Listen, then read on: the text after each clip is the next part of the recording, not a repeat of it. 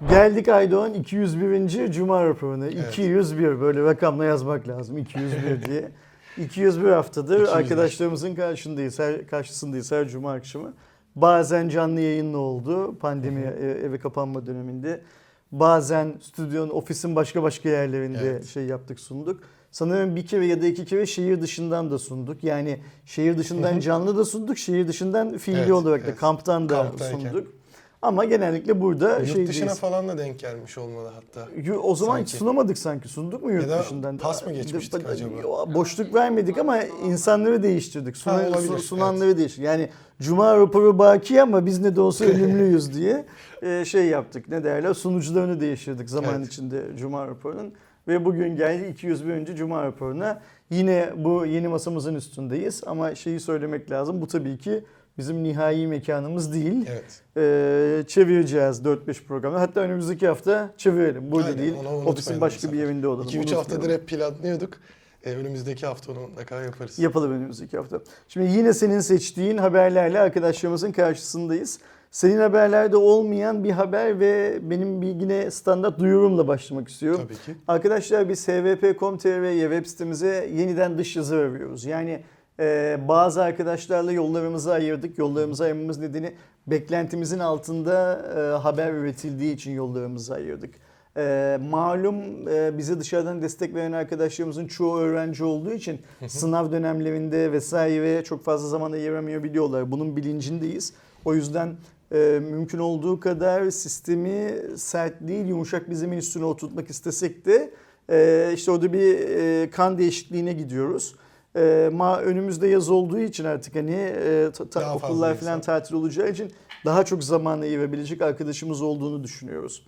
Lütfen ersinetvp.com.tr'ye eğer konuyla ilgiliyseniz yani ne bekliyoruz sizden? İyi derecede İngilizce bilmenizi bekliyoruz. Ee, yazı yazabilmenizi bekliyoruz ve teknolojiye meraklı olmanızı bekliyoruz. Dünyada çıkan haberleri çeviri değil, kendinizce yorumlayarak hvp.com.tr'ye haber olarak yazmanızı Evet. bekliyoruz.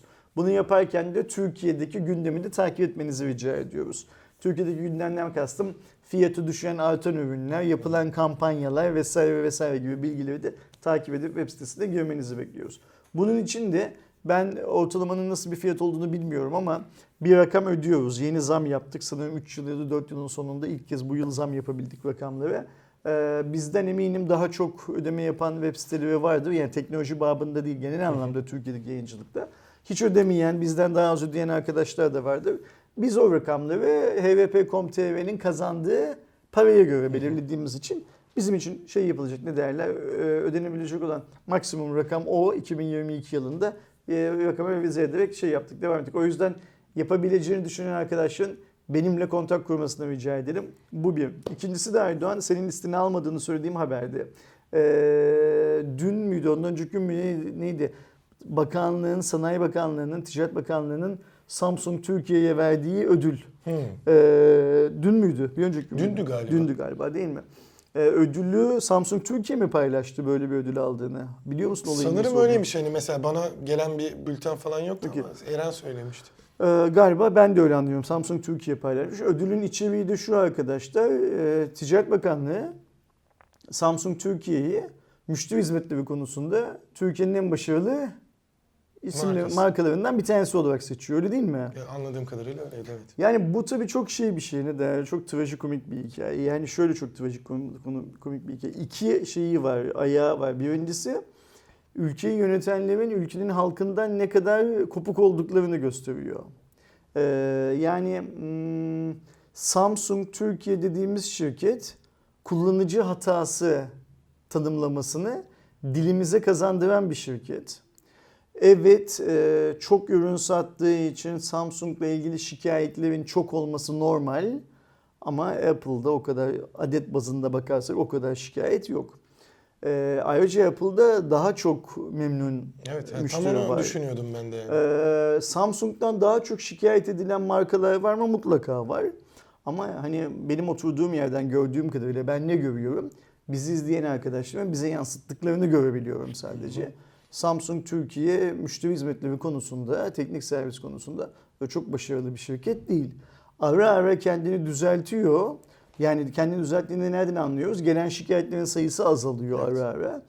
Ee, ama dikkat edersek bu azalttığı dönemlerde hep ürünlerin zaman aşımına uğradığı tarihlere denk düşüyor. Yani yeni bir ürün çıktıktan bir ay iki ay sonra Samsung'la ilgili şikayetler arşa değiyor resmen. Çünkü niye insanlar gidip o ürünleri alıyorlar. Sonra da şöyle pişman oldum, böyle pişman oldum falan diye peşinden koşuyorlar. Bence çok garip. Yani e, şöyle de bir garipliği var. Şimdi Ticaret Bakanlığı dediğimiz kuruma tüketici hakem heyetleri bilmem ne falan da bağlı. Yani buradaki arkadaşlar bir markaya e, şey yaparken, e, ödül verirken ya şunu bir tüketici hakem heyetinden sorgulayalım. Bununla ilgili yılda kaç tane bize şey yapıyor, dosya geliyor falan diye sormuyorlar demek ki. Ayrıca benim bildiğim kadarıyla tek ama tek olmayabilirdi.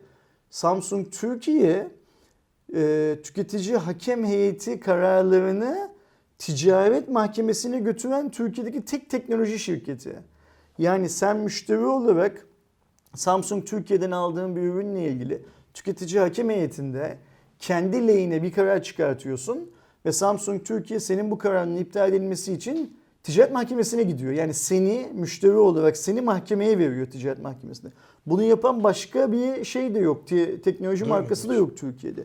Evet hepsi burada da bunu yapıyor mesela ama hepsi burada bir teknoloji marka- mağazası değil. Hepsi burada şey ma- markası değil. Hepsi burada bir satıcı. Bana soracak olursan hepsi buradan da yapmaması lazım. Ama yapıyor. Şimdi Ticaret Bakanlığı'ndaki arkadaşlar demek ki halkın yaşadığı bu gerçeklerden bu kadar bir haberler. Farkında değiller neyin ne olduğu ile ilgili. Herhalde farkında olsalar e, bu ödülü kalkıp Samsung Türkiye'ye vermezler. Ben şeyden çok eminim mesela öyle. Bugün Samsung mağdurları diye bir YouTube kanalı açılsa o kanal çok izleniyor mesela. Evet ihtimal. Yani hani şundan çok izlenir. Samsung bir kere çok ürün satıyor ve çok fazla insana e, mağdur ediyor. Teknik servisinde, e, tüketici hakem heyetinde, şurada burada filan filan. Yani hmm, bu demek değil ki Samsung Türkiye için önemsiz bir marka. Samsung Türkiye için çok önemli bir marka. Şimdi üretime de geçiyorlar. Üretimlerini kabul de ediyorlar. Hatırlıyorsan televizyon üretirken Türkiye'de ürettiklerini kabul etmiyorlardı. Saklamaya çalışıyorlardı. Şimdi Atmaca'nın tesislerinde cep telefonu üretiyorlar. Kendi tesislerini açmak için inşaata başladılar. Ne durumda bilmiyorum. Haberim yok. Bugün yarın onun da haberini duyarız. Türkiye'de kendi fabrikasını da açtı diye. Yani Koreli teknoloji devi olmak başka bir şey. Türk insanını e, hak ettiği değeri göstermemek, onları teknik serviste şurada burada mağdur etmek başka bir hikaye. Ve şey çok daha başka bir hikaye. Böyle bir markaya ödül vermek, Ticaret Bakanlığı eliyle ödül vermek başka bir marka. Ee, çok garip. Yani, Yani hani şeyden falan mı baktılar acaba diyorum. Ee, şimdi Samsung Türkiye dediğimizde bayağı geniş bir skalada ürünü var. İşte toplamda sallıyorum 1 milyon üründe e, gelen işte şikayet vesaire oranı düşük kaldığı için mi öyle bir oran çıktı? Mesela Apple'da da illaki belli başlı şikayet oluyordu ama ürün sayısı az. şimdi ne olursa olsun ben şöyle düşünüyorum. Bu ödülü bir aday liste vardı. O aday listeden bir seçim yapılmıştı. O seçim yapılırken de senin söylediğin böyle kriterlere falan bakılarak seçim yapılmıştı. Ama mesela bir Allah'ın kulu da bu şeydeki Allah'ın kullarından bahsediyorum. Ticaret Bakanlığı'nda çalışan Allah'ın kullarından bahsediyorum. Bir Allah'ın kulu da Google'a Samsung müşteri şikayeti, tüketici şikayeti bilmem ne filan diye bir bakar Allah aşkına öyle değil mi? Yani bir yazar. Yani burada şeyi referans vermiyorum kimse öyle anlamasın. Şikayetver.com filan gibi benim ilk kuruldukları zamanlarda çok desteklediğim ama artık açıkça söylemek gerekirse çok sağlıklı bulmadığım platformlara referans vermiyorum. Ama e, sosyal medyada e, aldığı Samsung telefonun yandığını iddia eden insanlar var. Evde şarja taktığı zaman telefonun yandığını iddia eden insanlar var. Bilmiyorum doğru mu gerçek mi? Ama şöyle de bir hikaye var. Hmm, Ben bir ödül vereceksem eğer ve bunu Türkiye Cumhuriyeti Devleti Ticaret Bakanlığı adına vereceksem, bu ödülü verecek olan insanlardan kimin alacağına karar verecek olan insanlardan bir tanesi de bensem, eee, ben eee, bu bu kadar çok şikayeti olan bir şirkete eee, ödül vermek istemem mesela. Yani Samsung'dan şikayetçi olmayan insanlar da var. Mesela anlamaya çalışıyorum konuştuğum zaman. Yani mesela şöyle bir şey mi çıkacak acaba diyorum. Mesela attım işte Sivas'takiler şikayetçi değil de Ankara'dakiler mi şikayetçi? Hani teknik servis ya da bölge. Yok hayır öyle bir durum da yok. Yani Türkiye'nin her yerinde e, şikayetçi var. Tabii biz Türk halkı olarak beğenimizi daha az dile getiriyoruz. Şikayetimizi dile getirdiğimizden öte ama şöyle de bir şey var. Ben bu telefonu aldım çok beğendim demek zorunda değil hiç kimse. Ben bu telefonu aldım bozuldu teknik servise götürdüm yaptılar çok memnun kaldım demek zorunda da değilim. Ama önemli olan şey şu. O telefonu, o televizyonu bilmem neyi alırken eee, sen bunun garantisine, markaya falan güvenip alıyorsun. Yani. Ve adam sana kullanıcı hatası mesela bak şunu biliyoruz. Yazın Samsung klima alıp yaz sonunda evine ancak montaj yaptırabilen insanlar var. Mesela bunlar bizim takipçilerimiz arasında var. Ee, televizyonlarında çizgi oluşmuş. Teknik servis eve geliyor. Çizgi dediğim böyle ince bir çizgi değil ya bir piksel böyle bir avuç kadar falan böyle bir renk atması var. Teknik servis geliyor eve evet diyor burada bir bozukluk var diyor. Ama bu normal diyor. Televizyonun sahibi olan arkadaş diyor ki ya nasıl normal ben bu televizyonu 6 ay önce aldım. Dünyanın parasını verdim. Ve bana dediniz ki bu teknoloji Samsung'un ürettiği teknoloji. AMOLED'den şunda pardon OLED'den falan çok çok daha iyi bir teknoloji dediniz. Ben aslında LG'yi alacaktım diyor. Ama sizin işte atıyorum X şey, şey, marketteki. marketteki e, çalışanlarınız bu daha iyi, bu daha iyi diye beni ikna ettiniz. Bunu aldım. 6 ay olmadan bu yıl şimdi 8. aydayım. Kocaman bir leke var yukarıdan aşağıya ekranda. Ve siz buna normal diyorsunuz. Hayır diyorlar bu garanti kapsamına girmiyor. Kullanıcı hatası. Şimdi mesela arkadaş bana e, yazıyor, mail atıyor. Ya diyor işte 36 bin lira para verdik. e, televizyon aldık. 8. aydayız. Böyle böyle bir hikaye var. Kullanıcı hatası diyor. Ne yapacağım? Ya tüketici hakimiyetine gideceksin. Ama şimdi ben ona tüketici hakimiyetine gideceksin diyorum da şeyi de biliyorum. Tüketici hakimiyeti bu arkadaşımızın lehine sonuç çıkarttığı zaman Samsung'da ticaret mahkemesine gidecek. Tüketici hakimiyetinin kararını yok sayması için. Yok saymasını sağlamak için. Şimdi böyle sırf telefonda değil yani benim bugüne kadar galiba şikayet duymadığım tek ürün gamı Samsung'da buzdolapları. Yani vardır da ben mi duymadım buzdolapları göreceli olarak daha mı iyi bilmiyorum. Ama şuna eminim daha iyi aslında iyi bir kavram değil. Samsung'un ürünleriyle ilgili Türkiye'de insanların bir şikayeti yok. Samsung'un ürünlerini satın aldıktan sonra teknik servisle yaşadıkları işlerde şikayet var. Adam diyor ki işte mesela televizyon, telefon. Ya diyor devlet 2 yıl diyor buna garanti kap şeyi vermiş. Samsung her şeyi e, kullanıcı hatası diyor. Böyle bir imajı olan şirketi de bakanlıktaki birileri madalyalandırıyorlar, ödüllendiriyorlar. Bu bence çok garip bir şey. Ve Türkiye'de nasıl bir ülkede yaşamak zorunda olduğumuzu, nasıl bir ülkede yaşamak zorunda bırakıldığımızı, sanki böyle hani e, dünyanın sonunu anlatan filmlerden çıkmış gibi bir şekilde gözlerimizin önüne seviyor. Bir yan atasözümüz var bu konuyla ilgili sıralayabileceğimiz. Sıralamamak daha iyi bunları. E, ama bana soracak olursanız çok e, pespaye bir durum. Yani gerçekten e, Türk halkının neler çektiğini bilmeyen e, kamu çalışanlarına sahip olduğumuzu çok net bir şekilde gözler önüne serecek bir şey.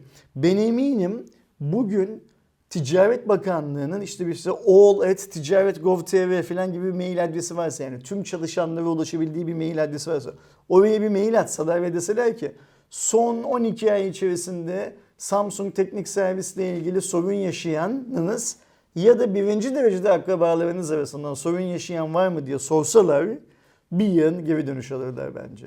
Tabii ki. Yani sadece Ticaret Bakanlığı'nın kendi çalışanları arasında böyle bir şey yapsalar, e, anket yapmaya kalksalar bir yıl sonuç alırlar. Ve kalkıp bu markaya ödül vermek bana biraz şey geliyor, abesle iştigal gibi geliyor. Ve gerçekten yaşatılmak zorunda kaldığımı, yaşatıldığımız şartlar için üzülüyorum. Ben diyorum ki Ticaret Bakanlığı yıl sonunda arkadaşım senin şu ürün segmentindeki şikayetlerin sayısı niçin artmış? Geçen yıl bu kadar yüksek değildi. Bunu azaltmanı bekliyorum filan gibi yöntemlere gireceğine tüm Türkiye'deki tüketici hakem heyetlerindeki şikayetlerin hangi ürünün hangi özelliğiyle yoğunlaştığını görüp markalara bunun adı Samsung'da olur, Renault'da olur, atıyorum Unilever'de olur ne üretiyorsa. Bak senin ürününün bilmem nesiyle ilgili şikayetler çok artıyor. Bunu düşürmen lazım diye uyarılarda bulunacağını ben böyle bir Ticaret Bakanlığı hayal ediyorum açıkça söylemek Yani. gerekirse. Ee, ve bu verileri halka açık bir şekilde herkesle paylaşacağına Yani ne demek istiyorum? Gittim bulaşık deterjanı aldım bulaşığımı iyi yıkamadı diyenler varsa X markada bunun sayısını Ticaret Bakanlığı yani kayıtlara geçiyorsa tüketici hakem heyetlerinde, mahkemelerde falan Ticaret Bakanlığı bunu duyurmalı.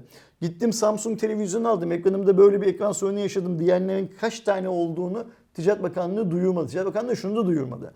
Atıyorum mesela yine Samsung'dan gidiyoruz. Samsung 100 bin tane televizyon satmış bu yıl Türkiye'de. O 10 bin tanesinde, 5 bin tanesinde, bir tanesinde şu sorunu görmüşüz. Bir tanesinde kumanda sorunu görmüşüz falan. Bunları bu kadar detaylı raporlu ve açıklamalı. Ben beklerken Ticaret Bakanlığı'nın yaptığı şey gidip Samsung'a ödül vermek olmuş. Ay, hakkımızı helal ediyoruz tabii ki. Ramazan günü hakkımızı helal etmekten başka yapacak bir şeyimiz yok en nihayetinde. Hakkımızı helal ediyoruz. Ama hakkımı helal etmediğim bir adam var dünyada. Eğer hakkım varsa bu sene şimdiki haberinle şey yapan, e, yine kendine prim kasan beyefendiyle ilgili eğer herhangi bir ha- şeyim varsa, e, hakkım varsa onu helal etmeyeceğim. Çok net biliyorum. Bir gün onun ürünlerini satın alsam da şey yapmayacağım. Oraya doğru gidiyor zaten. Oraya doğru gidiyoruz aynen öyle. Ee, ilk haberimizle başladığımızda biliyorsunuz e, Elon Musk Twitter'ın en büyük hissedarı oldu. E, 3 milyar dolara %9,2'lik hissesini alarak aynı zamanda yönetim kuruluna da girdi. Ama şu anda bir yedek gibi bir durum var. Yeni yönetim kurulu oluşturulduğunda girecek. O da 2024 yılında düzenlenecek yıllık genel kuruluna kadar birinci sınıf yönetim kurulu, ikinci sınıf yönetim kurulu üyeliği e, olarak devam edecek. Daha sonrasında da e, ekstra şey olabilecek ama bu süre boyunca da %14.9'dan fazla hisseye çıkamayacak. Yani %9.2 de buna çok fazla da ekleme yapamayacak e, gibi görünüyor. E, bir diğer yandan e, bununla alakalı da Twitter CEO'su olan şu andaki Parag Ag- Agrawal da e, sosyal ağa tutkulu bir şekilde inanmasını hem de ciddi bir eleştirmen olmasını da e, vurgulamış, değerli olacağını söylemiş. Çünkü daha öncesinde Elon Musk'ın çok fazla Twitter'ı eleştirdiğini de e, görmüştük. E, söylediği Jack Dorsey ise, kurucusu olan Jack Dorsey ise yeni karara sevindiğini ve Musk'ın dünyamızı ve Twitter'ı bu dünyadaki rolünü önemsediğini söylemiş. Şimdi bu %14.9'dan daha fazla hisseye sahip olamaması hikayesi aslında şirket içi demokrasi gibi bir şey. Yani hiç kimsenin tek adam rolüne bürünmemesi gerekiyor. Çünkü birileri ve tek adam rolüne büründüğü zaman ben yaptım ben ettime bağlıyorlar ve işi ben söyledim olduya bağlıyorlar. Akşamdan sabaha değişebilen yeni uygulamalara imza atabiliyorlar filan. O yüzden tek adam yöntemini benim bildiğim kadarıyla bu Twitter'da değil, Amerika'daki birçok şirkette bu tarz kısıtlamalar var. Yani yönetim kurulundaki hiç kimse diğerlerinden daha üstün olmamalı. Ve hiç kimse yönetim kurulunu e, domine etmemeli. Ha aile şirketleri falan tabii ki bunun haricinde şey anlamda. Şimdi benim esas burada şaşırdığım şey şu oldu Aydo. Hem Dorsey'in hem de yeni CEO Parag'ın bu gelişmeye karşı çok olumlu fikir beyan etmeleri oldu. Çünkü şunu tahmin edebiliyoruz ki Jack e, Musk'tan çok fazla haz eden bir adam olmamalı. Yani hani hayata bakış açılarını bilmem ne falan gördüğümüz zaman bunu anlamak çok şey değil. Bir de e, Musk'ın son bir yıl, bir buçuk yıl içinde Twitter üzerinden yaptığı sahtekarlığın haddi hesabı yok zaten. Millete coin aldırdı, coin sattırdı, şunu yaptı, bunu yaptı filan. Yani Musk e, çok şeffaf, çok temiz bir adam değil. Musk aslında günümüz kapitalist sisteminin e, bayraktarlarından birisi. Yani Türkiye'ye geldiği zaman Anıtkabir'i de ziyaret edebilecek ve bunu işte gururla paylaşacak filan. Ee, ama hani başka bir ülkeye gittiği zaman da başka başka şeyleri de yapabilecek olan Evet. birisi Musk. O yüzden ben bu Musk'ın biliyorsun dalga geçiyorum Mesih diye. Çünkü Musk bir süre sonra görülen o ki gerçi bizim ömrü hayatımızda bizden sonraki 3-5 nesilde de bu pek mümkün olmayacak ama şu Mars kolonileşmesi konusunda bir iki tane peş peşe çok olumlu adım atabilirse ben Mesih'im diye ortaya çıkacak bir adam bir yandan da. Yani her şeyi çünkü baksana Musk her şeyi zaten yapabiliyor. Kendinde her şeyi yapma hakkını Yani bir evre kası kaldı. bulabiliyor. Aynen öyle yani e, ve Musk'ta o kadar çok para var ki bugüne kadar defalarca eleştirdiği Twitter'a da 9 nokta, %9.2 hisselik hissesini 3 milyon dolar verip satın alabiliyor. Teorik olarak e, Jack'in bundan rahatsız olması lazım. E, teorik olarak e, Parag'ın da yeni CEO'nun da aramıza hoş geldi filan demesi lazım. Şimdi tabii ki Musk'ın bu hisseleri alması engellenemez. Yani parası olan düdüğü çalıyor. Dünyanın geldiği nokta bu ama şöyle de bir şey var. Hmm, biz Facebook'u biraz Mark Zuckerberg yüzünden, Twitter'ı da biraz Jack Dorsey yüzünden sevmiyor muyduk? Hmm, yani. Yani bu adamların hayata karşı duruşları nedeniyle sevmiyor muyduk? Sonra Şimdi, Mark zaten sıçtı batırdı. heh, şimdi Mark'la Musk'ın ne farkı var aslında birbirlerinden? Çok da bir farkları yok bakacak olursan. Tip olarak da benziyorlar. Yani ya- karakter olarak da hayata bakış açıları açısından filan da benziyorlar. Şimdi Musk'ın yönetim kurulunda olduğu bir Twitter, e, ben şeyden emin olan bir insan değilim. E, Trump'ın Twitter'dan yasaklanmasının doğru bir karar mı yanlış bir karar mı olduğundan emin değilim ben. E, Ama bunun çok ciddi bir şekilde üzerine düşünülmesi gereken bir şey olduğunu hep söylüyorum Yani. zaten. Şimdi Musk'ın yönetim kurulunda olduğu bir Twitter bugünden sonra herhangi bir Amerikan devlet başkanını yasaklayabilir mi? Bence yasaklayamaz. Çünkü ha- herhangi bir ülkenin devlet başkanını da yasaklayamaz. Çünkü Musk'ın SpaceX başta olmak üzere orada bir ilişki Aynen öyle yani var. Musk. Tüm dünyaya otomobil satmak istiyor. Tüm dünyada enerji işlevi yapmak istiyor. Tüm dünyaya roket kiralamak istiyor. E, Musk tüm dünyanın parasına sahip olmak istiyor. Musk İnternet tüm dünya istiyor. devletlerinin önünde giden bir adam olmak istiyor. Şimdi böyle bir adamı e, yönetim kurulunda olduğu bir şirket yapamaz bunu.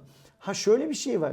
Ayrıca Musk benim gördüğüm kadarıyla çok tutarlı bir adam da değil. Musk'ın tutarlı olduğu tek konu kendi para kazanma hırsı. Onun dışında başka hiçbir konuda tutarlı değil. Yani Musk 3 gün sonra e, ben Trump'ı çok seviyorum. Öyle bir şey olmaz da seviyorum. Adamın hesaplarını tekrar açma kararını da yönetim kurulunda getirebilir mesela.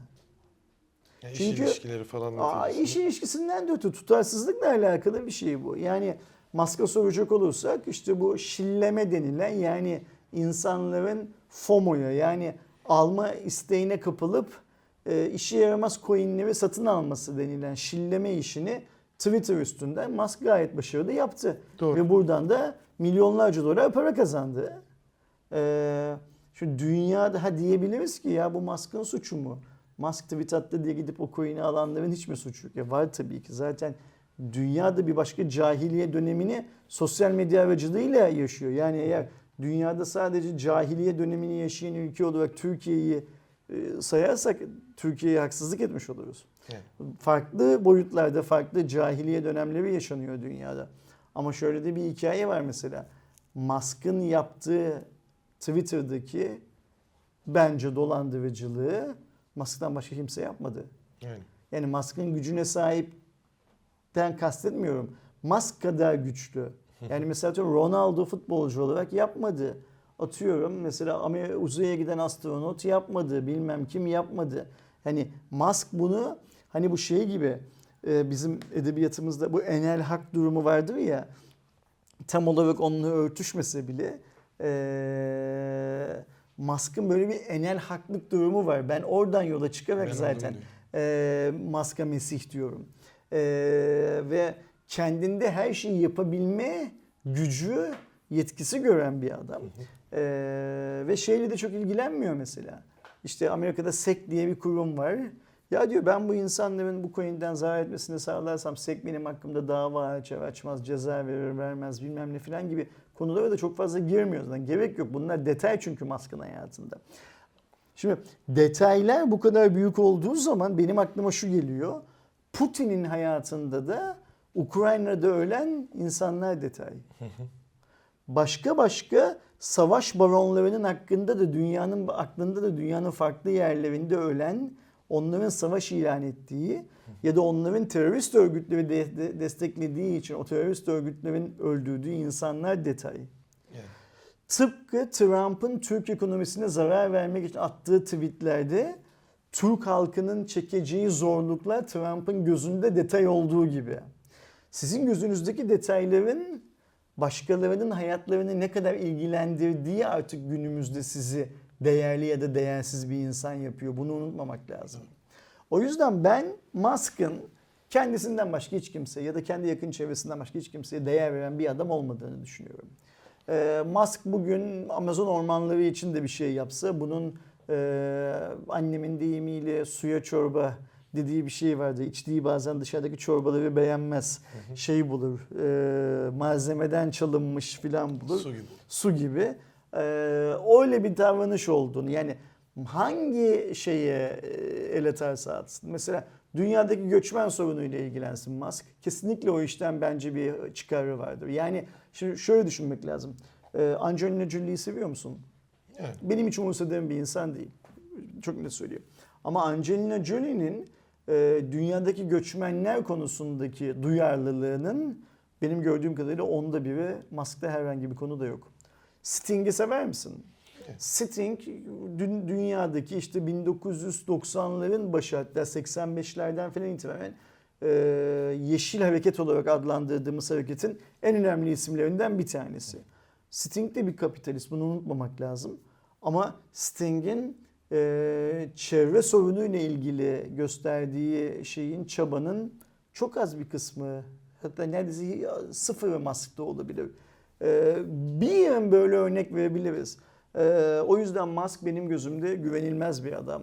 Ve güvenilmez bir adamın çok sevdiğim bir sosyal medya platformunun yöneticileri arasında giriyor olması benim için şey e, çok üzücü bir hikaye. E, umuyorum ki Facebook Jack'in ve Facebook'un kurucusu olan diğer adamların koyduğu e, teorilerden çok fazla uzaklaşmaz. O teorilere sahip çıkarak hayatına şey yapar. Twitter için. Çünkü e, aslında o yönetim kurulundaki insanlar teorik olarak normal şartlarda Musk'la karşılaşsalar ya senin ağzın niye yamuk diye soracakları bir adamdan bahsediyoruz. Onların duruş açısıyla Musk'ın duruş açısını kıyasladığımız zaman. Allah hepsinin yardımcısı olsun. Aynı masada oturup e, zaten hani- altın yumurtlarının yumurtalarını dinlemek zorunda kalacaklar Evet bundan yani sonra. de şey açısı olduğu için eee, yani Twitter'daki en etkileşim sağlayan insanlardan biridir kesinlikle. E Tabii Musk. müşteri potansiyeli yüksek yani Twitter için önemli bir müşteri Aynen. account'u Musk ama dikkat et Trump da çok önemliydi ve tek kalemde Trump'ı kesebildiler. Mesela Mark böyle bir şey yapmaz kolay Tabii. kolay. Mark der ki "E, işte alıyoruz veriyoruz ekonomiye can veriyoruz. Adam tüm bir şey paylaşıyor. bile çalışıyor Adam bir şey yatıyor yazıyor altına insanlar yorum yazıyor. Yani altın yumurtlayan bir tavuk var burada der Mark şey anlamında. Neyse ve e, Musk'ın ilk icraatı diyelim değil mi? Yani hani biraz onunla ilişkilendirildi de tabii ki uzun süredir zaten bu söylenen bir şeydi. İkinci haber olarak konuşabileceğimiz Twitter'daki gelecek yenilikler. Daha öncesinde bir 1 Nisan'da işte e, düzenleme geleceği söylenmişti. Daha sonrasında Elon Musk da bu e, hissedarlık sonrasında kendisi bir şey paylaştı. İster misiniz İster misiniz düzeltilebilir diye. olmasını? Hatta bu ya Twitter tarafından ya Jack Dorsey tarafından da retweet edildi. Hı hı. Sonrasında da o ankette de zaten bir istek e, şeyi çıktıktan sonra Twitter'da resmi olarak duyurdu. Hı hı. Böyle bir özelliğin üzerinde Ama şey dediler, Musk'ın yaptığı paylaşımla anketle falan hiçbir alakası Tabii yok ki, bunun. Bu zaten çalışılıyor. Hani zaten e, yapılan bir şeydi. E, söylenene göre ilerleyen dönemlerde artık Twitter düzenleme ortaya e, çıkacak. Yani e, bu ne anlama geliyor aslında? Ben kendi açımdan düşündüğümde Twitter'ın tamamıyla doğasına aykırı. Tamamıyla işleri değiştiren bir şey. Çünkü hani işte önceki attığın tweetler e, birçok insanın ortasına çıkar şey yapar ve şeylik de vardı. O en çok onlara yarayacak zaten. Kahinlik muhabbeti vardı işte bir maç skoru bilmem ne olacak şu tarihte böyle olacak. Twitter'da da bu şey değiştirilemediği için insanlar hep şey yapardı. Aa nasıl bildi falan filan diye. Bazı hesaplar da işte sallıyorum e, Türkiye'nin bilmem neyle maçı var. Bütün skorlarla ilgili tweet atar. tutan dışındakileri diğerleri silerdi. Silerdi. E, şimdi işte düzeltebilecek ama bu bence dediğim gibi tamamıyla bir Çünkü- Twitter durumunun ayık, yasasına aykırı gibi. Haklısın ama burada şöyle bir görüş var Aydoğan takip ediyorsundur büyük de.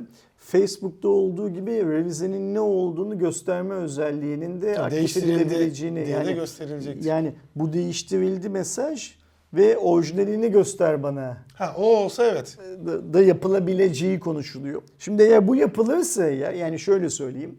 Mesela ben diyelim ki eee mesela ne diyormuş olayım Bitcoin 100 bin dolar olacak dedim önümüzdeki hafta attım. Önümüzdeki hafta Bitcoin 56.800 oldu ve girdim onu 56 100 bini 56.800 olarak paylaş değiştirdim ve dedim ki bildim. İnsanlar benim daha önce bunu 100 bin dolar olacağını görebiliyorlarsa ve bana hadi lan git işine yalancı pezevenk diyebiliyorlarsa o zaman bu güzel bir Evet, özellik hani şey olabilir. eklenmeli bence evet. Yani hem eski tweet'i görebilirsin hem de işte tweet tarihi sallıyorum bugün ayın kaçı? Ee, Onu diyelim onu, ki düzenleme tarihi 15 e, diye değil aynen. mi? 8'iymiş aynen. Düzen 15'inde de yenilendi diye falan diye gösterse o zaman. Günümüz teknolojisinde bu çok zor bir özellik değil şey olarak ve e, e, benim bildiğim Twitter veya bu işi yapacaksa böyle yapar. Bu sayede sadece imla hatası Aynen. bilmem ne filan gibi şeylerin düzeltilmesine kapısını açar. Öbür türlü yaparsa senin söylediğin gibi dünyamız zaten yeterince şaklabanla dolu. Daha yeni yeni şaklabanlarımız ve daha yeni yeni şaklabanlıklarımız olur. Tüm dünya halkları Evet. olarak öyle bir şey olur. Ve bu hikaye sadece eğer senin söylediğin gibi, senin korktuğun gibi, senin de korkun sadece senin değil, benim de korkum, birçok insanın da korkusu e, olursa e, birçok insan için çok kötü bir şey haline gelir ve şunu görürüz. Twitter'da sadece alıp vermek, kendi ekonomisine can vermek, kendi platformunu daha çok ziyaret edilen, daha çok kullanılan ve böylece daha çok reklam gösterebilen bir platform haline getirmek için çabalıyor deriz. O zaman da Jack'in şirketten ayrılmasının üstünden kısa bir süre geçtikten sonra Musk'ın ortak olabilmesini, bu edit hikayesinin gelebilmesini acaba Jack kendini şirketten uzaklaştırmak için mi? Yani bunların olacağını biliyordu da uzaklaştırmak için mi? Mesela şunu istemedi mi adam? Kendi CEO'luğu döneminde Musk'ın yönetim kuruluna girmesini istemediği için mi CEO'luğu bıraktı? Kendi CEO'luğu döneminde bu edit hikayesi açılmasın diye mi CEO'luğu bıraktı filan gibi şeyleri Düşünülür. tekrar baştan bir dönüp düşünmemiz Bu arada gerekecek. tabii bu özelliğin ilk başta Twitter Blue dediğimiz hani ücretli abonelik Ücretli mi o? Ee, Mavi tik değil mi Blue? Yok. Ha, öyle Yani mi? Bu Okey. ekstradan e, biraz daha böyle elit gibi Okey, düşünülebilecek sistemde Twitter Blue abonelerine e, gelecek.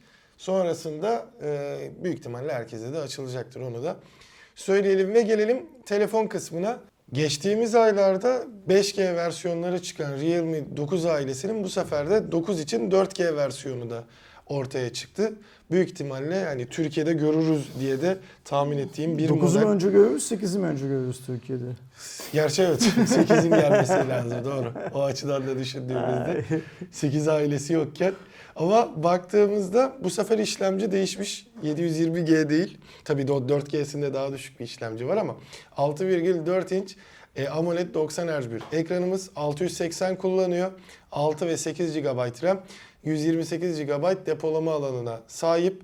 E, 5000 mAh e, bataryasını 33 Watt hızlı şarjıyla desteklerken arkada 108, 8 ve 2 megapiksellik üçlü, önde de 16 megapiksellik bir kamerası mevcut.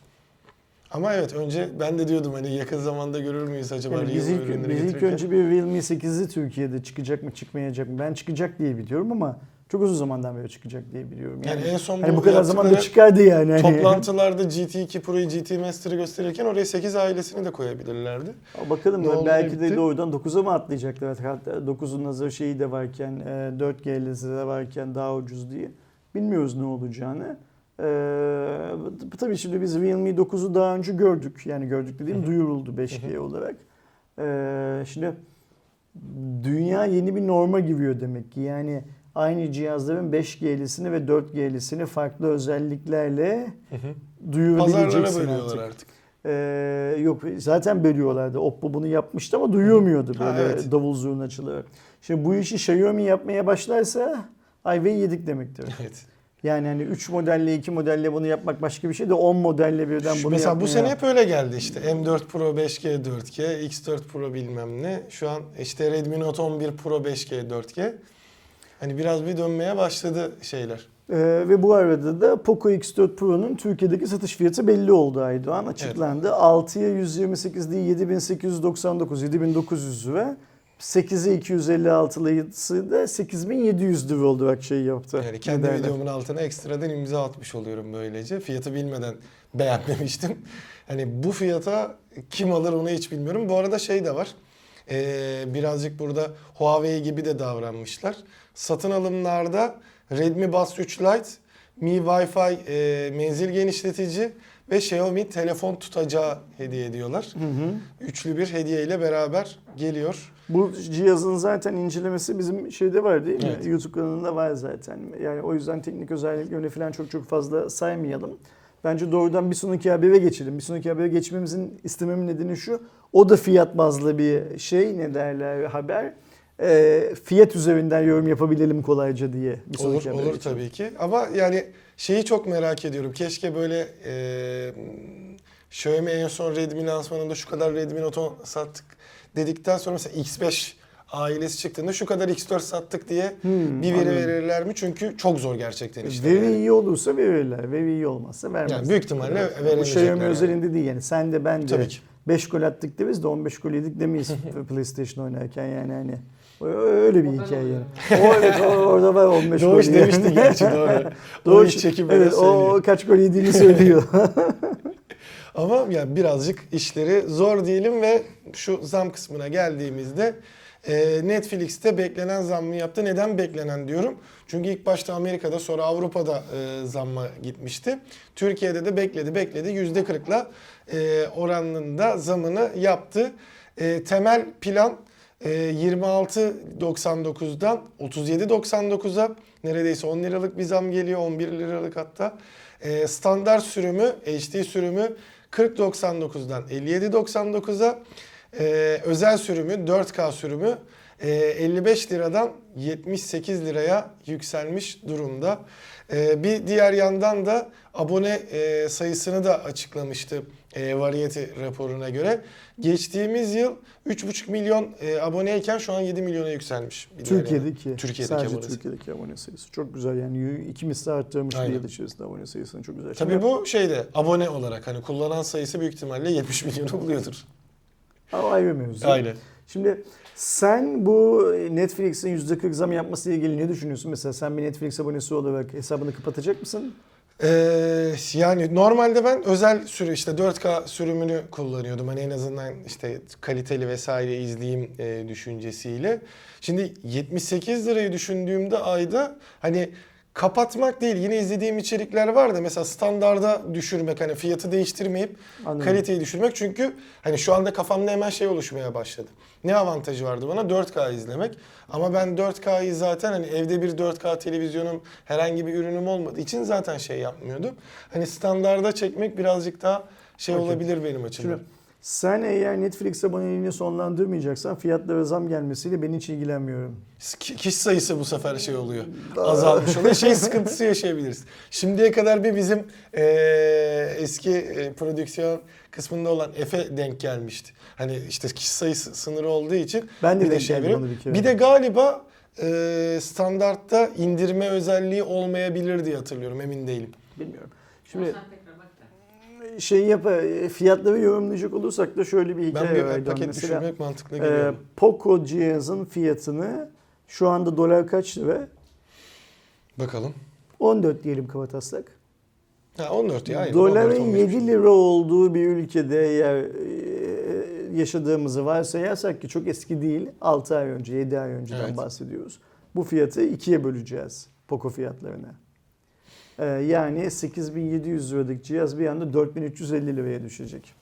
Bir alt versiyonu kaç liraydı? Şu unuttum şuradan bakayım. 7900 liralık cihazda 3 işte 4 3900 liraya, 3850 liralara falan düşecek. Yani e, burada eğer dolar 7 lira olabilseydi e, biz bu fiyatların cihazların fiyatlarından şey yapmayacaktık.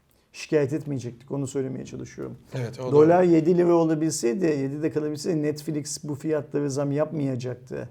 Ee, sen de boşu boşuna 4K'dan vazgeçmek zorunda kalmayacaktın diye şey yapıyorum, ee, söylüyorum ve ne yazık ki bu söylediğim şeyden çok hoşlanmasam da bunu söylemekten.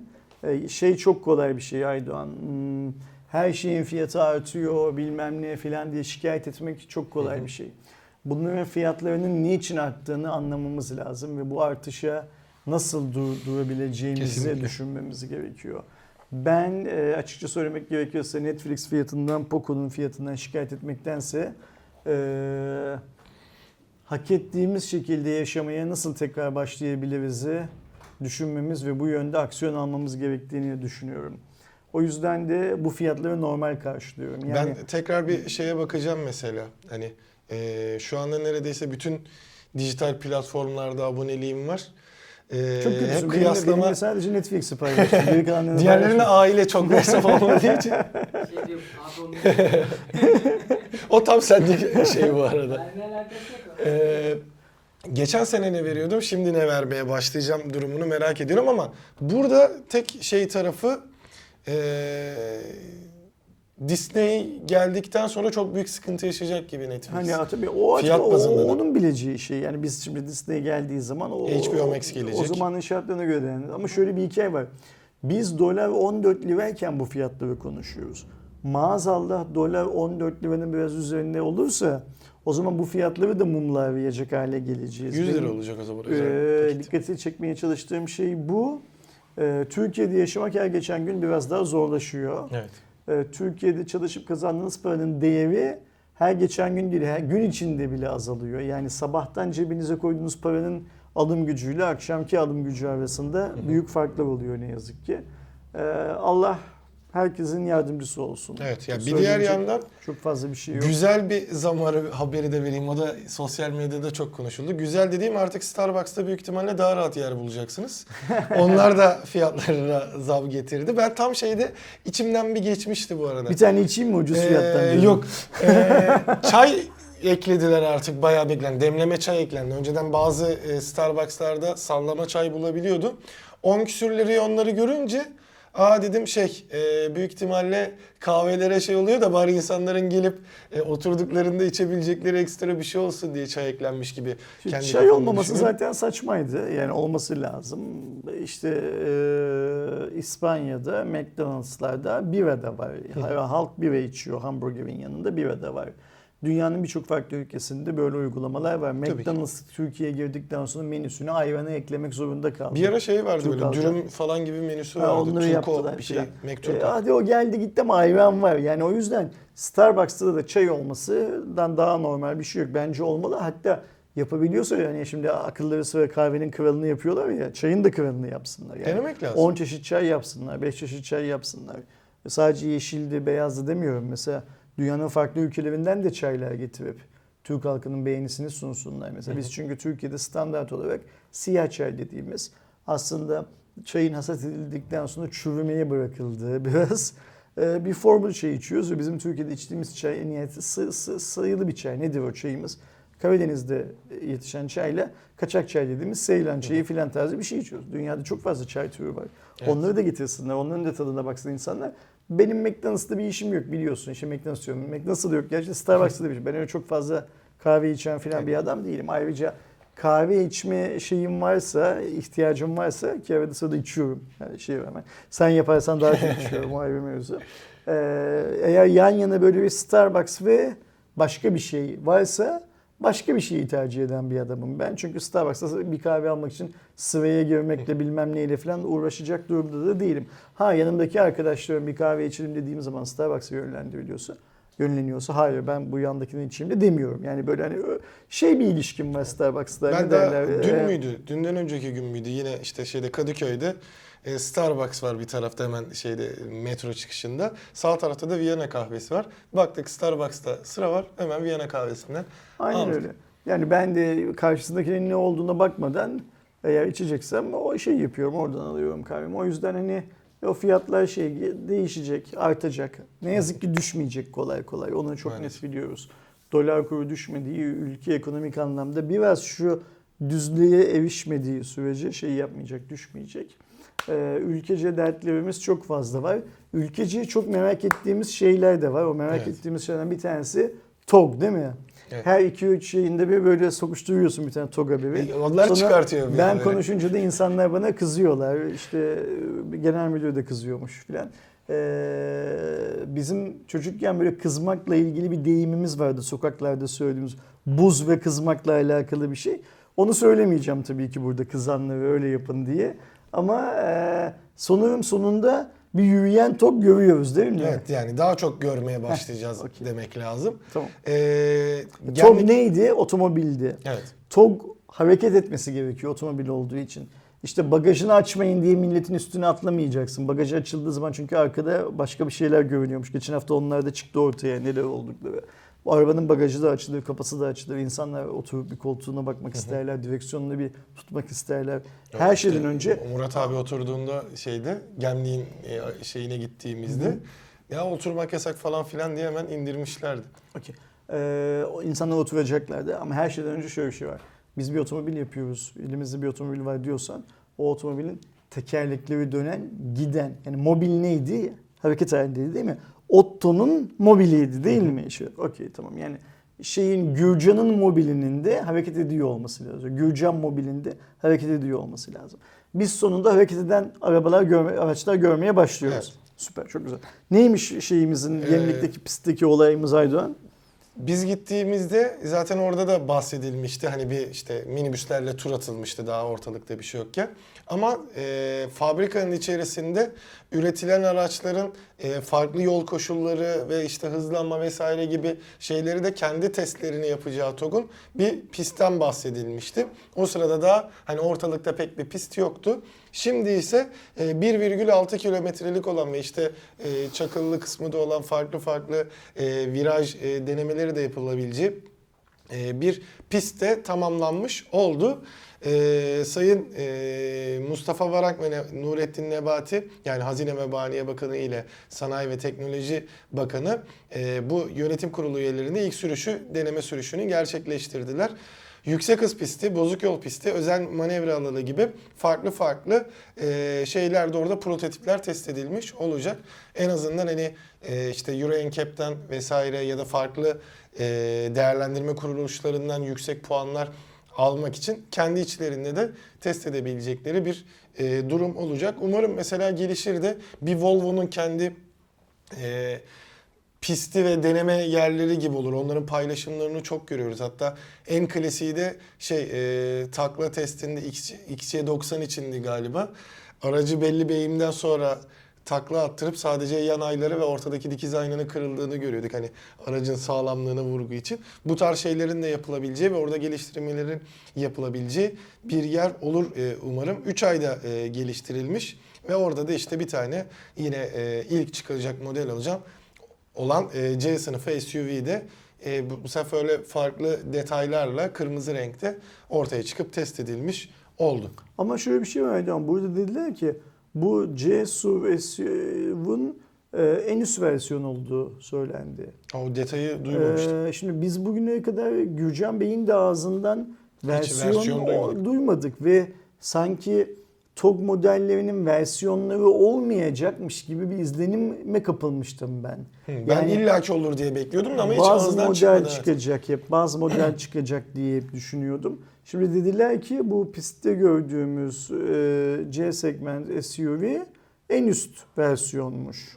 E, demek ki bir en üst versiyon, orta versiyon, alt versiyonlar O falan zaman var. şey de ortaya çıkıyor. Ee, kameralı ayna sistemi komple kaldırılmış demek. En üst En üstte versiyon ve yoksa klasik kamera, ayna aynı. varsa Şimdi eğer versiyonlara kadar girdilerse ben yine aynı şeyi açıklasınlar halka biz de bilelim. Yani mesela en üst versiyonda olan neler alt versiyonlarda sırayla olmayacak. Öyle ya siz bu planlamayı yaptıysanız halk da bilsin bunu.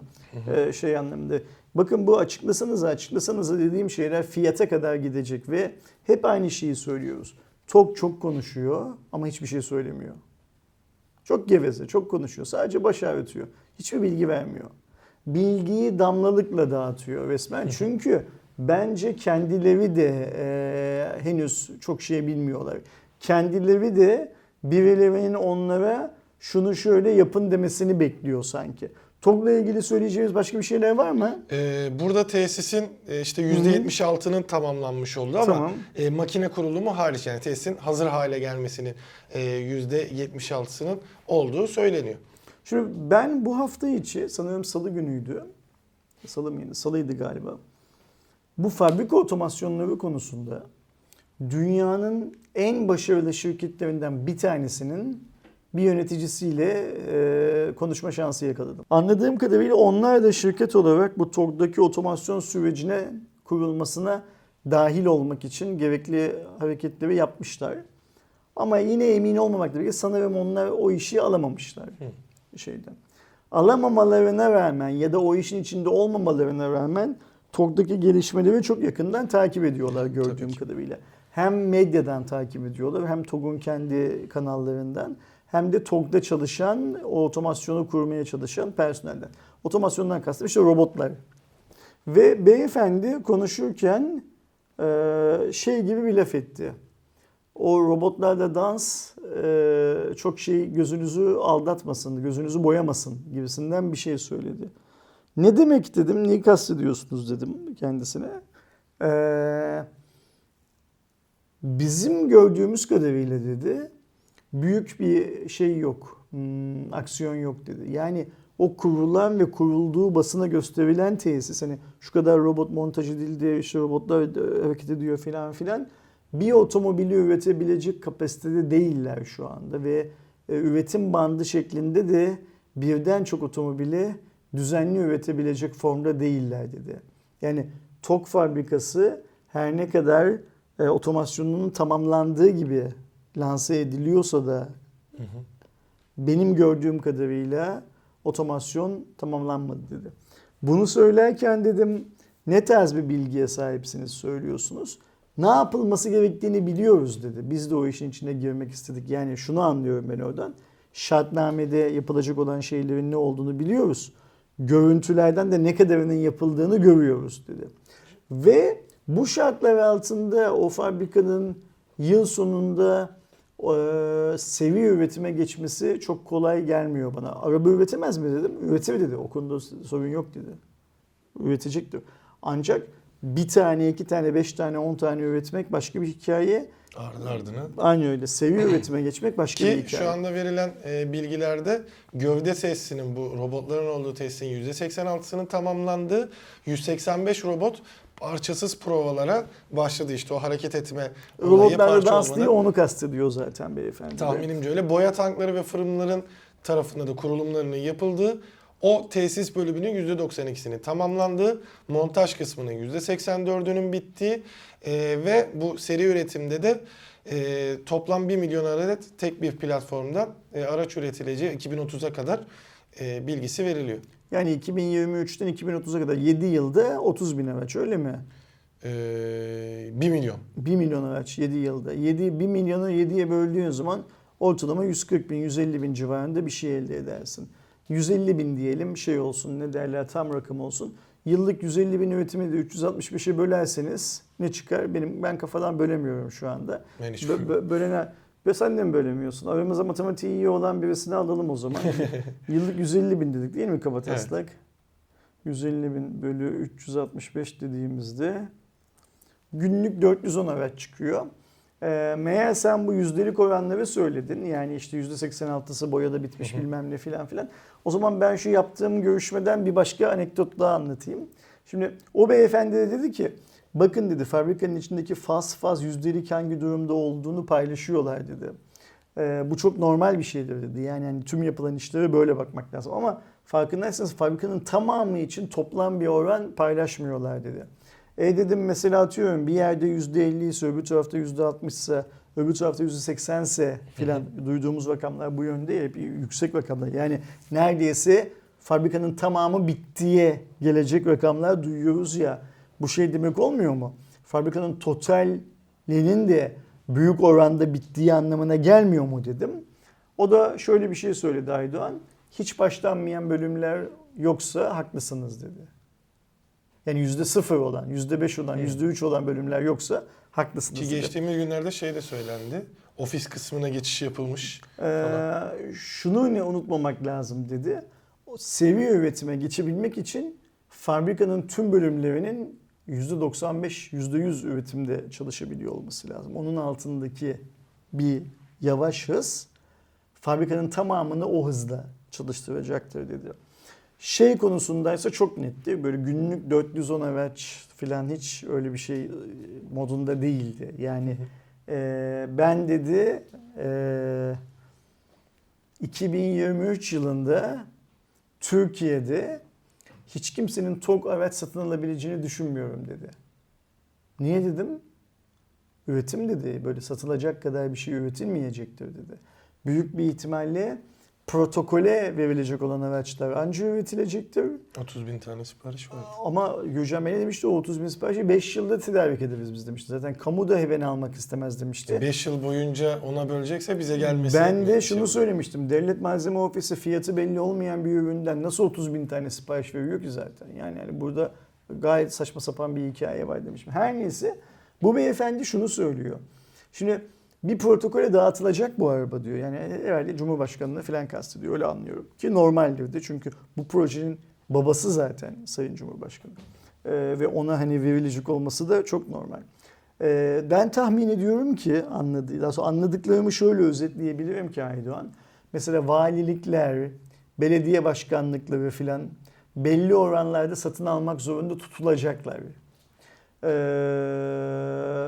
ama bu beyefendi de diyor ki vatandaşa satacakları kadar üretemeyecekler diyor. Ben ona dedim ki çünkü konuşurken ya dedim benim niyetim TOG eğer parasını hak ettiğini düşündüğüm bir fiyattan çıkarsa ben kendi aracımı satıp bir tane TOG almayı planlıyorum dedim. 2025-2024 falan ancak alırsın dedi. Çok net söylüyorum. E dedim "E adamlar bu yılın sonunda satacaklarını üreteceklerini satacaklarını söylüyorlar dedim. Hayır dedi bu yılın sonunda dedi üretim bandından ilk araçları indireceklerini söylüyorlar dedi. Satacaklarını daha söylemediler.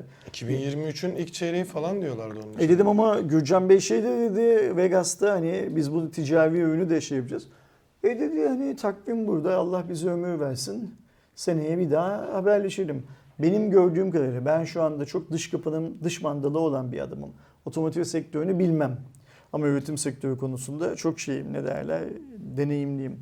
Ee, çalıştığım şirket dünyada birçok otomotiv fabrikası inşa etti neredeyse sıfırdan. Ve aklınıza gelecek olan tüm markalar için bu işleri yaptık bugüne kadar dedi. Benim şu an gördüğüm kadarıyla Gemlik'teki fabrikanın seviye üretime geçmesi 2023'ün sonuna doğru falan ancak olabilecek bir hikaye. 2023'ün başında sadece ihtiyaç duyulan numunelikler üretilmeye başlar. Vatandaş olarak siz de eğer satın almayı planlıyorsanız bana sanki satın alamazsınız gibi geliyor dedi. Ee, ben ikna oldum birçok konuda. Ee, Mart ayını bitirdik, Nisan ayındayız artık. Yani Gürcan Bey'in e, 2021'in son aylarında yaptığı söylemler vardı. Yani ben de ya 12 ay işte 365 gün koy üstüne bunların hepsini yapabilecek misiniz demiştim bu pro, Cuma raporunda. 365 günden 120 günü gitti. Geriye kaldı 240 gün. Yılın da dörtte biri bitti. Bunu unutmamak lazım. Biz daha yıla yeni başlıyoruz falan ama yılın da dörtte biri bitti. Yani niye söylüyorum bunu biliyor musun? Artık laf ebelliği yapmamaları lazım. Artık çok doğru düzgün bilgiler vermeleri lazım. Ha eğer zaten eğer bu söylenilen şey doğruysa vatandaşın para verip satın alabileceği bir TOG bir yıl önümüzdeki bir yıl, bir buçuk yıl içinde olmayacaksa o zaman fiyatla filan bir işimiz yok zaten. Yani. Yani valilik bunu alacaksa, belediye başkanlığı alacaksa, kamu alacaksa filan o zaman fiyat miyat bizim derdimiz değil. Evet. Olmayacak zaten. Bakalım neyin ne olduğunu yine göreceğiz. Yine şey yapıyoruz. Yani neyin ne olduğunu yine önümüzdeki günlerde göreceğiz. Hep böyle son dakika son dakika filan devam edeceğiz ama şeye inanıyoruz. Gürcan Bey'in söylediği yıl sonu hedefine inanıyoruz. Yıl sonuna da her geçen gün daha az zaman kaldığı için demek ki ister istemez daha net bir şeyler duymamızın zamanı geliyor. Bakalım bekleyelim görelim. TOG hepimizin arabası olsun inşallah. Hepimizin otomobili olsun inşallah. Türkiye'nin de yüzak olsun inşallah. Yani en büyük beklentimiz de o zaten. Bir diğer yandan e, Intel Bitcoin madenciliği için yeni bir yongasını da duyurdu. Daha önce verimlilik odaklı Bonanza Mine adındaki e, büyük bir sürpriz yapan Intel kısmı şimdi de Blocks e, Scale ASIC adında e, yeni bir yonga ile e, kazım gücünü ciddi oranda arttırıyor. Baktığımızda 580 GHz rate kazım hızına ulaşabilen yonga e, 27 terahaş rate verimliliğe de sahip. Bir diğer yandan e, 256 adede kadar da yonga bulunabiliyor bir sistemde, bir madencilik çözümünde. Böylece 148,5 terahash rate böyle saniye kazım hızına ulaşabiliyor. E, e, güç kısmında daha doğrusu enerji tüketimi kısmında da e, 1228 wattla 5811 watt gibi ciddi de bir tabii ki e, değer kullanıyor. Ama şu andaki piyasadaki birçok güçlü e, Bitcoin ya da coin e, sistemine göre özellikle bu hazır sistemlere göre çok çok daha iyi e, bir şey, şeydeydi. Bu ilk bahsettiğim Bonanza Mine'da 40 terahash rate bölü saniye yaparken şimdi neredeyse Yani- e, 4 katına falan Şunu çıkıyor. söylüyorsun biz bol bol jandarmanın hani baskın yapıp işte mining cihazları bulundu haberlerine şey yapıyoruz ya maruz kalıyoruz ya Türkiye'de. Mining yapmak yasak mı bunu bilmiyoruz. Ee, emniyet kuvvetleri hiç şey yakalamıyor. Ee, kazım yapan insan yakalamıyor. Ama jandarma niyesi sürekli böyle bir Türkiye'nin her yerinde gördüğümüz kadarıyla kazım yapan insan peşinde. Deniyor ki bazı şehir dışı bölgelerde yani jandarmanın baktığı kaçak elektrik falan kullanıldığı için. Abicim kaçak elektrik kullanıyorlar diyor o zaman bunun şeyini yapın ne derler duyurusunu yapın. Yani bitcoin kaza madenciliği yapanlar tutuklandılar yakalandılar falan diye yapmayın o zaman. İnsanların O tabii daha çok okunacak. ama elektrik, kaçak elektrik kullananlara da baskın yapıyoruz deyin de başka kullananlar da korksunlar. Yarın da bana baskın yapılır falan Aynen. diye. Her neyse o ayrı mevzu. O baskınlarda masanın üstünde şöyle küçük regülatör gibi cihazlar görüyoruz. Böyle çok küçük cihazlar görüyoruz. Küçük buzdolapları falan gibi. Ee, bu senin söylediğin e, Antminer yani Intel'in yaptığı çözümün kıyaslandığı halihazırdaki çözümler Onun markası. yani arkadaşlarımız şey gibi düşünebilirler. HP, Lenovo, Intel Aynen. bilmem ne falan gibi düşünebilirler. Antminer'la ve diğer popüler olan e, Bitcoin kazım cihazlarıyla kıyaslaması yapıldığı zaman Intel'in bu yeni geliştirdiği Yonga daha başarılı Çok sonuçlar çok daha elde büyük ediyor. hash rate alabiliyor. Ee, ve- ama benim okuduğum kadarıyla Intel galiba bunu ne zaman piyasaya şey olarak çıkartacağını, ürün olarak çıkartacağını daha duyurmadı Yok, öyle hayır. değil mi? Hayır, sadece Yonga'yı duyurdu şu an. Yok değil. Fiyat da yok daha Aynen. ortalıkta. Hiçbir şey yok. Şimdi o zaman şöyle bakacağız. O jandarmanın yakaladığı Antminer ve benzeri cihazlar şu an için pazarda hala tekler. Aynen. Bu gelişmenin şöyle bir güzel yanı var. Ee, bu ve buna benzer cihazların sayısı artarsa ki Nvidia'nın da bu anlamdaki çalışmalar yaptığını biliyoruz. Oyuncular biraz rahatlayabilirler. Çünkü Evet. şu an dünyada her ne kadar Bitcoin dalgalı seyretse bile hala iyi ekran kartlarının büyük bir çoğunluğu Bitcoin madenciliği için kullanılıyor. Türkiye filan gibi elektriğin alıp başına yürüdüğü ülkeler değil konu. Mesela Çin elektrik krizi yüzünden bütün Bitcoin madenciliği yapanları yasakladı. Ülke dışına gitmek zorunda filan bıraktı ama dünyada hala enerjinin çok ucuz olduğu ülkeler var. Ve oralarda toplanıyor. E, yeni high-end ve işe yarayacak profesyonel kartlar mining yapan insanlar tarafından daha kolay satın alıyor. Niye? Sen oyun oynayarak para kazanmıyorsun. Kazansan da az kazanıyorsun. Bu adam mining yaparak, madencilik yaparak para kazanıyor. Para kazandığı için de yatırım yapabiliyor bu işi. O yüzden bu Intel'in de Nvidia'nın da bu anlamda yaptığı çalışma aslında bizim gibi hani masaüstü kullanıcısı dediğimiz Evet. e, tek bir tane PC ile iş yapan filan adamlar için güzel gelişmeler. Şu Intel'in aradaki mine gücü olarak sergilediği performans artımıysa teknolojik anlamda da çok şey e, ne derler önemli. Evet. Çünkü kazılacak olan Bitcoin sayısı her gün azalıyor. Azaldığı için de kazım her gün zorlaşıyor. Ee, zorlaşmanın üstünden bu tarz aletlerle belki gelinebilir. Tabii ki Bitcoin kazımı bittikten sonra kazılacak başka başka coinler daha çıkacak ortaya. Ama onları kazmak Bitcoin'i kazmak kadar karlı olacak mı olmayacak mı? Onu o zaman Göreceğiz. göreceğiz. Biz onları görünceye kadar da zaten Intel, AMD bilmem ne falan ceplerinden şunları ürün olarak çıkartıp masanın üstüne koyarlar Erdoğan. Fiyat da belli olur. Bizim jandarmada belki Bitcoin madencilerini değil de kaçak elektrik kullanıcılarını tutuklamaya başlar. Daha böyle mantıklı ve makul bir ülkede yaşadığımızın hissini Evet. yaşarız. Sahip oluruz en azından. Şimdi 2022'nin ilk çeyreğinde en çok satılan otomobiller diye bir haberimiz var.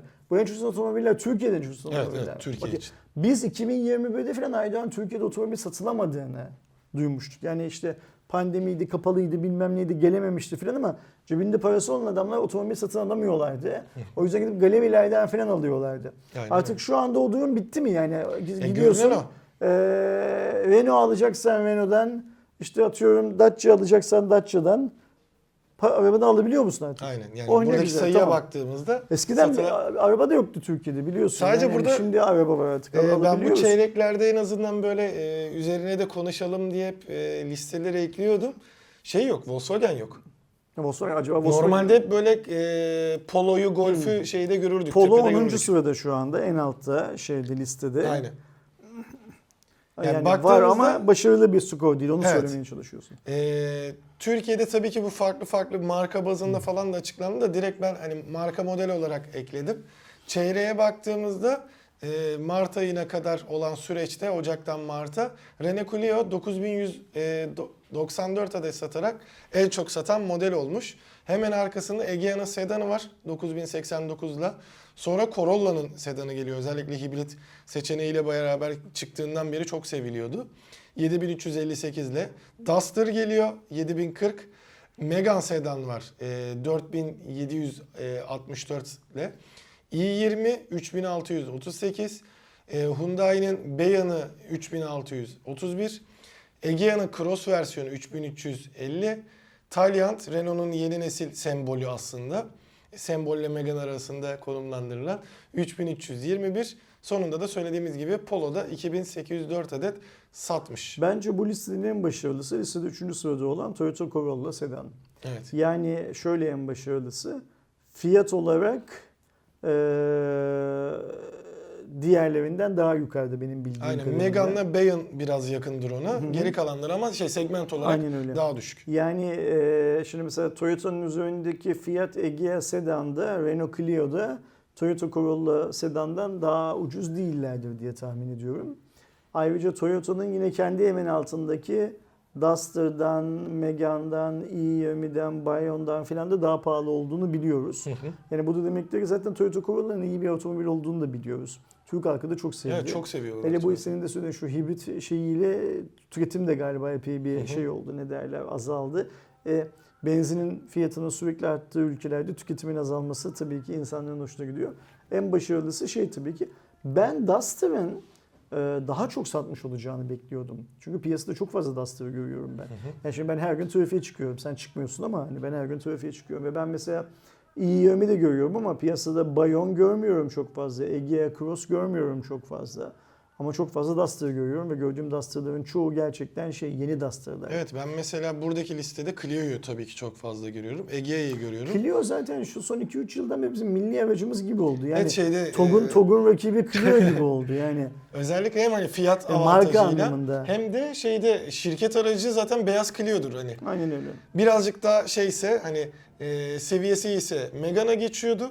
Mesela Corolla'yı hiç ben şirket aracı, aracı olarak duymadım görmedim. Corolla'lar daha çok e, be- müdürlere falan biraz şey ya da satış temsilcilerine falan e, makam arabası olarak verilen arabalar aslında. Hadi bu şeyin mesela i20'nin vesaire şeyde çok kullanıldığını biliyorum bu kiralama e, servislerinde. Özellikle işte ben de trafiğe çıktığımda Move ya da TikTok kullanıyorum. TikTok'ta çok fazla i20 var.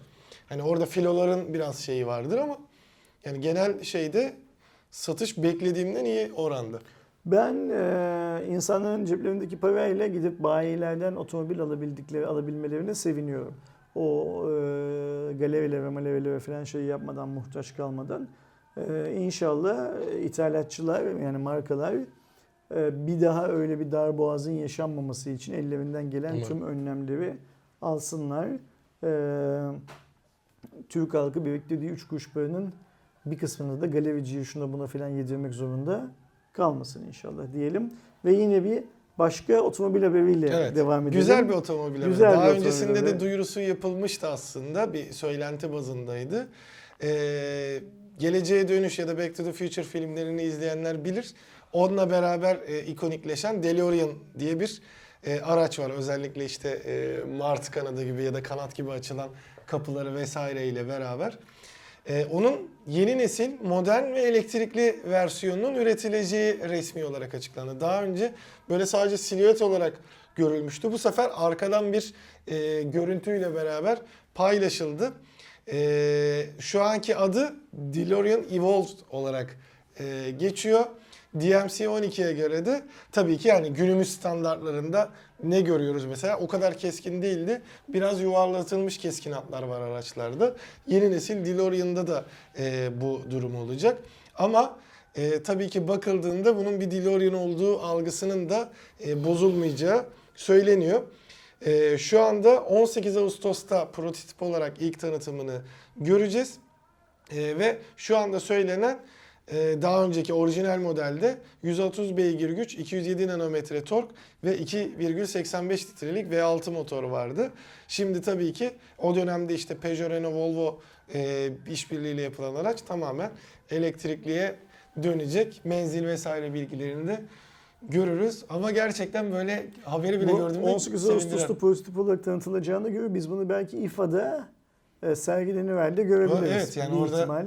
E, şey yapabilirler. Evet bu prototipi İFA'ya getirebilirler bence. Umarım. Ee, çünkü şey yani İFA 18 Ağustos'tan sonra ki ilk büyük etkinlik dünyadaki Hı hı. benim şeyimi Herhangi hemen bir 10 gün yerde- sonra 15 gün sonra filan şeyden Aynen. sonra. İFA'da gö- görebiliriz gibime Çok da geliyor güzel olur. e, benim. Aydoğan şu son haberimiz Reddit'in e, Place şeyi ya, Evet. etkinliği ya. Şimdi ilk önce bize şu Reddit'in Place'i ne bir onu Evet, anlatsana. zaten onunla e, başlayacağım. Şimdi Reddit'te e, Reddit Place olarak geçen bir etkinlik yapıldı aslında. Etkinlik de şuydu. Bir tane sayfada bembeyaz bir tuval var. Sen gidip istediğin renk paletinden bir rengi ortaya yani herhangi bir yere dokundurabiliyorsun ama şartı şu. Bir rengi dokunduktan sonra 5 dakika sonra tekrar bir değişim yapabiliyorsun. Bu ya da süreç- ekleme yapabiliyorsun. ee, bu süreç ilk başladığında herkes tabii ki bir şeyler denedi, rastgele bir şey oldu. Ama belli bir süre sonra klasik o e, ne derler ona toplum düşüncesi ortaya çıkmaya başladı. Çünkü bazı yerlerde bayraklar oldu, bazı yerlerde farklı farklı karakterler türemeye başladı. Özellikle e, bu şey oyunun adını unuttum. Doğu sen hatırlarsın bu uzaylı olan oyunların birbirini şey yapmaya, imposter olmaya çalıştığın oyun vardı ya. O karakterlerin bir şeyi ortaya çıktı orada. Daha sonrasında da şöyle bir durum oldu. Artık birazcık böyle millet savaşına da döndü. Örneğin özellikle e, Tuğkan Enrein olarak e, tanınan yayıncı da bu etkinlikte çok fazla aktif rol oynayarak işte Türk bayrağı e, farklı renklere bölünmeye çalışıldı. Binlerce insan Türk bayrağını tekrar yapmaya çalıştı. Ve süreç en sonunda sona erdi. Sona erdiğinde bakıyoruz hani Türkler açısından bakıldığında bir Türk bayrağı üzerinde e, Anıtkabir vesaire gibi motiflerin olduğu bir örnek var. Barış Manço ortaya çıkıyor. E, nasıl is- akılla geldi bilmiyorum ama kaplumbağa terbiyecisinin bir portresi var. E, bir diğer yandan Ukrayna bölümü de yapılmış orada. Yani tek bir tuvalde bunların tamamı Evet, var. evet. Hı. Ya bayağı şey var yani çok da büyük bir e, tuvale olarak zaten karşımıza çıkıyor. Burada mesela sağ tarafta, sağ üst tarafta KKTC bayrağını da görüyoruz. Kuzey Kıbrıs Türk Cumhuriyeti'nin bayrağını. Ama boyut açısından e, en büyük boyutlu şeylerden biri oldu Türk bayrağı da. E, ama tabii ki sol alttaki Fransa bayrağı falan da dikkat çekiyor. E, bir diğer yandan işte Ukrayna bölümünde Bayraktar TB2'ye de bir şey yapılmış. E, bunun dışında tabii ki gözden kaçan da çok şey. F1 ile alakalı Formula 1 ve takımlarının logoları olduğu kısımlar. Ben şu an baktığımda Assassin's Creed'i görüyorum, Meksika bayrağını görüyorum. İsa'nın son yemeği vesaire vesaire Evet, evet. Brezilya Ee, bayrağı, Amerika Dünya bayrağı. Kupası bir birçok şey var. Yani hani burada Türkler damga vurdu filan gibi Yok, yorumlandı sosyal medyada ama öyle hani Türkler Atatürk damga ama vurdu. şey bu e, mesela bakıldığında tabii ki bu e, görülen algı olduğu için biz Türk bayrağını Tabii ki görüyoruz yani. ama mesela işte yani bir Arjantinli baktığı zaman o Türk bayrağını görmüyor büyük Evet. bir ihtimalle. O daha çok Brezilya bayrağını ya da Arjantin bayrağı da var, Var, aşağıda. Arjantin'in kendi bayrağını görüyor. İşte peace işareti falan var. Bu tam adı üstünde bir etkinlik yani Aynen. aslında. Hani bir- keyifli de bir etkinlik bir, oldu. bir nevi bir oyun da Aynen. bir, bir şekilde insanların zaman geçirdiği, organize olabildikleri falan ve şeyde de haklısın. Birçok oyun karakteri de var. Sadece hani e, Star, Star Wars, Wars var, Star Wars var, Star Wars var. Mesela şu an benim karşımda Star Wars açık tam e, şeyde o göbeğinde bir yerde. Ama birçok farklı oyundan karakter Evet, var. evet. Yani hani sadece Star Wars, sadece bilmem ne falan değil. Şimdi bu galiba bir NFT olarak satılacak öyle değil mi? Öyle bir plan var. Ee, öyle bir ya şu an beyaza döndü tekrar zaten ama Hı hı. bu görsel tekrar bir yerde satılır mı o konuda net bir bilgim Ben yok. sanki şey diye biliyorum. Reddit yapabilir ama Reddit tabii yöneticileri bunu galiba bir şey olarak, e, NFT olarak satacaklar E, bence yapılır da. ve evet yani satış mantıklı. gelirini de bağışlayacaklar diye aklımda kalmış. Öyle bir bilgim var. Ee, Türkiye'den emeği geçen birçok insan var gördüğümüz kadarıyla. Bayağı bir şeyde Twitch üzerinden savaş oldu. Adamın biri vardı e, işte o Türk bayrağına saldırtmaya çalışıyor. İşte Tuğkan orada biraz da böyle milli duygularla e, kurtarmaya çalışıyorlar falan ama Şimdi keyifli bunlara, oldu. Ben bunlara oyun izledim. gözüyle bakmak lazım Tabii tabii, ki. ki. Yani mesela şimdi adamın bir illa Türk bayrağına saldırılması için takipçilerini şey yapıyorsa ne derler hmm, yönlendiriyorsa bunu onun sorunu olarak bırakmak lazım. Onun sorunu olarak nasıl bırakacaksın? Sen de işte derdin Türk bayrağının orada olmasıysa Türk bayrağını savunacaksın sen de.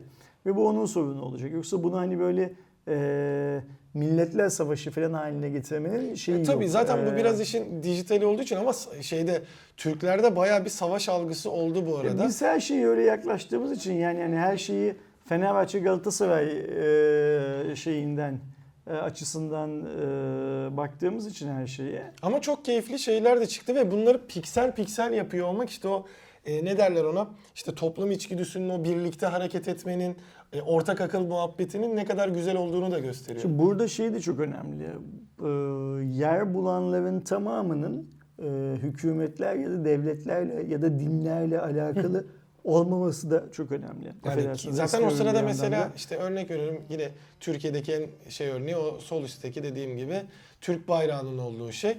Ee, buraya bakıldığında burada işte orada beyaz piksel atan, kırmızı piksel atan insanlar birbirlerinden de habersiz hani. Orada belki bir yönetici de var. İşte ee, bir tane ee, nasıl diyeyim kurye de var vesaire de var. O yine bir ortadan kaldırma. Onu hatırlatması güzel oldu ben. Kendi açımdan ona Bu sevindim. bir nevi işte günümüz teknolojisinin el verdiği oranda e, dünyanın ortak sanatı Evet, gibi evet. bir şey olacak. Ama tabii ki bu formda değil. Yani bu milliyetçilik, Piece var. e, bu milliyetçilik ya da bu din benzeri şeyler olmadan olacak. Bak mesela bazı çok ünlü şeylerin tabloların Burada işte barış işaretiyle Barış- beraber Barış, Barış Manço'nun olması. olması filan. Ee, güzel bir hikaye. Eğlenceli geçti benim gördüğüm kadarıyla her şeyden önce. Ee, Bayağı konuşuldu yani. Bir sonraki için şimdiden kendini hazırlayan arkadaşlar mutlaka vardır. Burada tabii ki mantıklı o şey mantıklı dedim. Gerçek olan şey şu ki kim daha kalabalıksa onun yapabildiği şeyi. Evet biz de zaten genellikle bu şeylerde anketlerde falan e, kalabalığa oynuyoruz Aynen. zaten. Şey Çok da se- severler e, niyeyse şeylerde. Ha Fatih Sultan Mehmet var. Yanında 1453 yazılmış bir şekilde bir portresi yapılmış. E, bunun gibi çok fazla şey var. Bu insanlar açısından da tabii ki güzel bir e, muhabbet olmuş oldu. Çünkü bu ilk çıktığında bunlar yoktu. Farklı farklı şeyler yapılıyordu. Bir de e, bazen boşluklar da oluştu. Yani siyah bir boşluk çıkıyordu ortaya ki burada da bir yerde çok ufak bir şekilde duruyor zaten. O bir ilk başta yutuyordu her şeyi siyah şey gibi, e, kara delik gibi falan. Ya çok farklı bir şey oldu. Ben ara ara baktım. Hani aktif olarak takip etmedim. Tabii ki birçok insan da işte o Tuğkan'ın e, videolarıyla falan görmüştür Instagram'da ya da TikTok'ta vesaire. Ama güzel bir plan Yeni- oldu. Yenisi yakın zamanda yapılır. Yapılır. Çok, çok Bu yakın zamanda Şeye geçer yani böyle. Hele bir de bu NFT satışından doğru düzgün bir para elde edilip dünyadaki herhangi bir sorunun çözümü için harcanılabilirse insanlar da biraz daha fazla şey yaparlar, sahiplenirler olayı zaten. Aynen. Ee, Biz de yenileri yapıldığında yine neler olduğunu üzerinde arkadaşlarımızla şey yapıyoruz, paylaşıyoruz. 201. Cuma raporuyla başladık Erdoğan. 201. Cuma raporunu bitiriyoruz. Evet. Ee, Ramazan'ın ilk Ra- cumartesi. Ramazan'ın da bugün 7. günü. Yani Ramazan'ın da ilk haftasını bitirdik. Dörtte biri bitti Ramazan'ın. Ee, Ramazan boyunca ben bu cuma raporlarında biraz yorgun, biraz uykulu olacağım. Öyle görünüyor. Yapılacak çok fazla bir şey yok. Çünkü benim e, açlıkla değil uykusuzlukla bir sınavım gibi geçiyor şey Ramazan genellikle. Ee, önümüzdeki hafta 202. Cuma raporunda arkadaşlarımızın karşısında oluruz tekrar. O zamana kadar kendinize iyi bakın. Pazar akşamı canlı yayında görüşürüz. Hoşçakalın. Hoşçakalın.